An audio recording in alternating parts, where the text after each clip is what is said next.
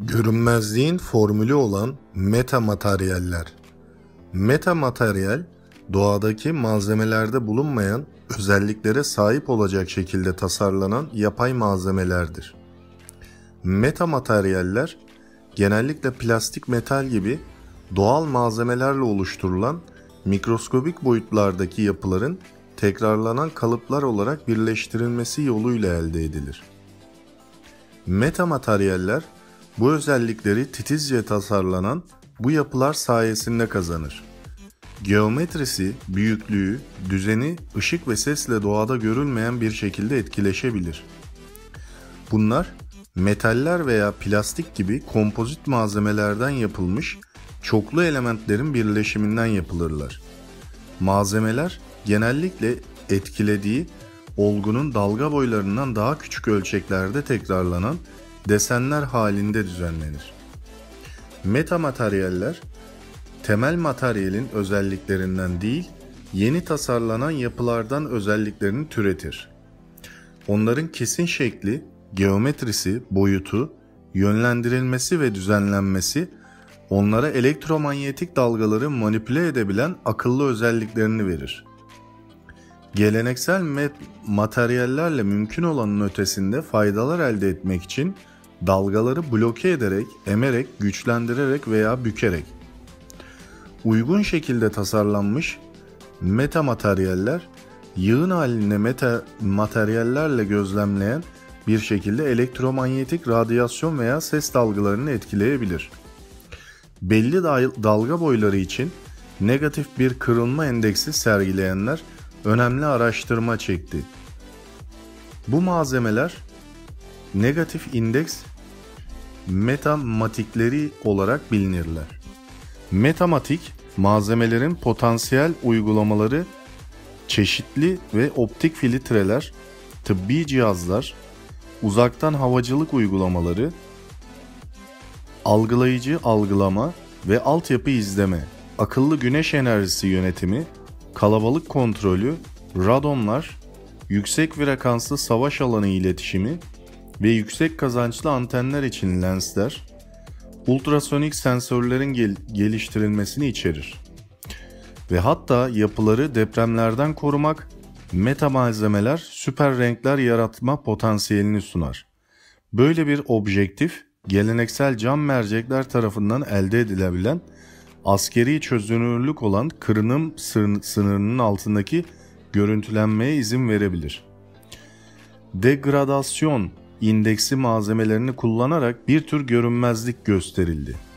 Akustik ve sistik, sismik metamateryalleri de araştırma alanlarıdır. Metamatik araştırma disiplinler arasıdır ve elektrik mühendisliği, elektromanyetik, klasik optik, katı hal fiziği, mikrodalga ve anten mühendisliği, optoelektronik, malzeme bilimi, nanoscience ve yarı iletken mühendisliği gibi alan, alanları içerir. Tarihi 19. yüzyıl sonunda elektromanyetik dalgaları manipüle etmek için suni malzemelerin keşfi başladı. Metamateryal olarak kabul edilebilecek en eski yapıların bazıları 1898'de kiral özelliklere sahip maddeleri araştıran Jagadish Chandra Bose tarafından incelendi. Kral Ferdinand Lindman 20. yüzyılın başında yapay kiral medya olarak metalik sarmallarla dalga etkileşimi üzerine çalıştı. Winston E. Koch 1940'ların sonlarında meta malzemelerle benzer özelliklere sahip materyal geliştirdi. 1950'lerde ve 1960'larda yapay diyelekti, dielektrikler hafif mikrodalga antenler için incelendi. Mikrodalga radar soğurucuları 1980 ve 1990 yıllarında yapay kiral medya uygulamaları ile araştırılmıştır. Negatif indeks malzemeleri ilk olarak 1967'de Victor Vesalago tarafından teorik olarak tanımlandı. O bu tür malzemelerin ışığı iletebildiğini kanıtladı. Faz hızının Poynting vektör yönüne ters paralel olabileceğini gösterdi. Bu doğal olarak oluşan materyallerin dalga yayınımına aykırıdır.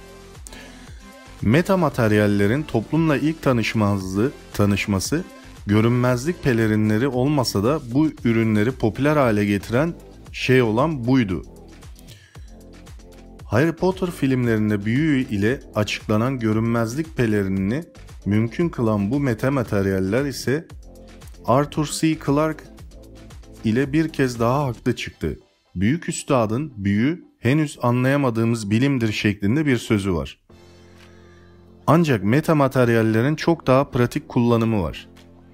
Bilim insanları metamateryalleri ilk olarak 20. yüzyılın sonlarında ele almaya başladı. Bu yeni yeni alan temelde dalgaların örneğin sesin ya da ışık dalgalarının özel olarak tasarlanmış ve yapay olarak oluşturulmuş yapılarla etkileşime girmesine dayanıyordu. Metamateryallerin üretilmesiyle birlikte fizik kurallarının esnetebildiği de ortaya çıktı. Bu araştırmacılara üstünde çalışabilecekleri pek çok yeni alan demek. Ayrıca bu ürünler sayesinde daha gelişmiş ve daha verimli ürünler de ortaya çıkabiliyor. Bunu da doğal yapıdaki materyallerde bulunmayan özelliklerine borçlular. Grand View Resource'e göre 2025'e kadar küresel çapta 1.35 milyar dolarlık metamateryal araştırması yapılacak. Şu anda havacılık ve savunma sanayi gibi alanlarda kullanılan bu ürünlerin daha sonra diğer alanlara da yayılması kaçınılmaz. Günümüzde kullandığımız pek çok teknolojide ilk olarak savunma ve havacılık sanayisinde kullanılmıştı. Metamateryallerin kullanım alanları çok basit gözüken alanlardan çok çok komplike üretim sistemlerine kadar her yere uzanıyor.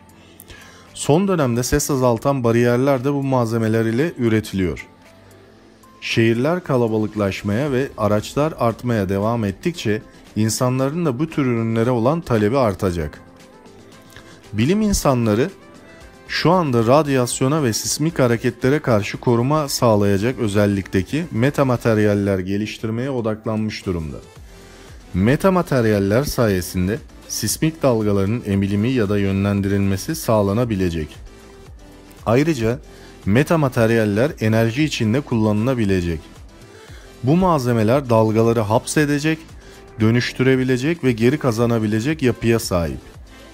Bu özelliklerin uygulanması ile birlikte gelecekte gelişmiş güneş bataryaları gibi teknolojiler sayesinde temiz ve sürdürülebilir enerjide bir çığır açılabilecek. Ayrıca bu yapılar sayesinde güç ve veri transferi de bir üst aşamaya geçecek. Eskiden kontrollü bir ortamda taşıyabildiğimiz enerjiyi ve verileri çok daha rahat kul- kullanmamız mümkün olacak. Uzak mesafelerden dahi kablosuz şarj kullanabilmek, çok daha hızlı ve güçlü kablosuz bağlantı, gelişmiş ve yaygın bağlantı teknolojileri metamateryaller ile mümkün hale gelebiliyor. Hasso-Plattner Enstitüsü ayrıca belirli bölgelere kuvvet uygulandığında mekanizmanın ne şekilde hareket edeceğini öngörebilmelerini sağlayan bir çeşit destek yazılım servisi de geliştirdi. Araştırmacılar şimdilik esnek silikon kullanmış olsa da teorik açıdan bakıldığında yüksek baskı altında kırılmayacak kadar esnek olan herhangi bir malzeme de kullanılabilir.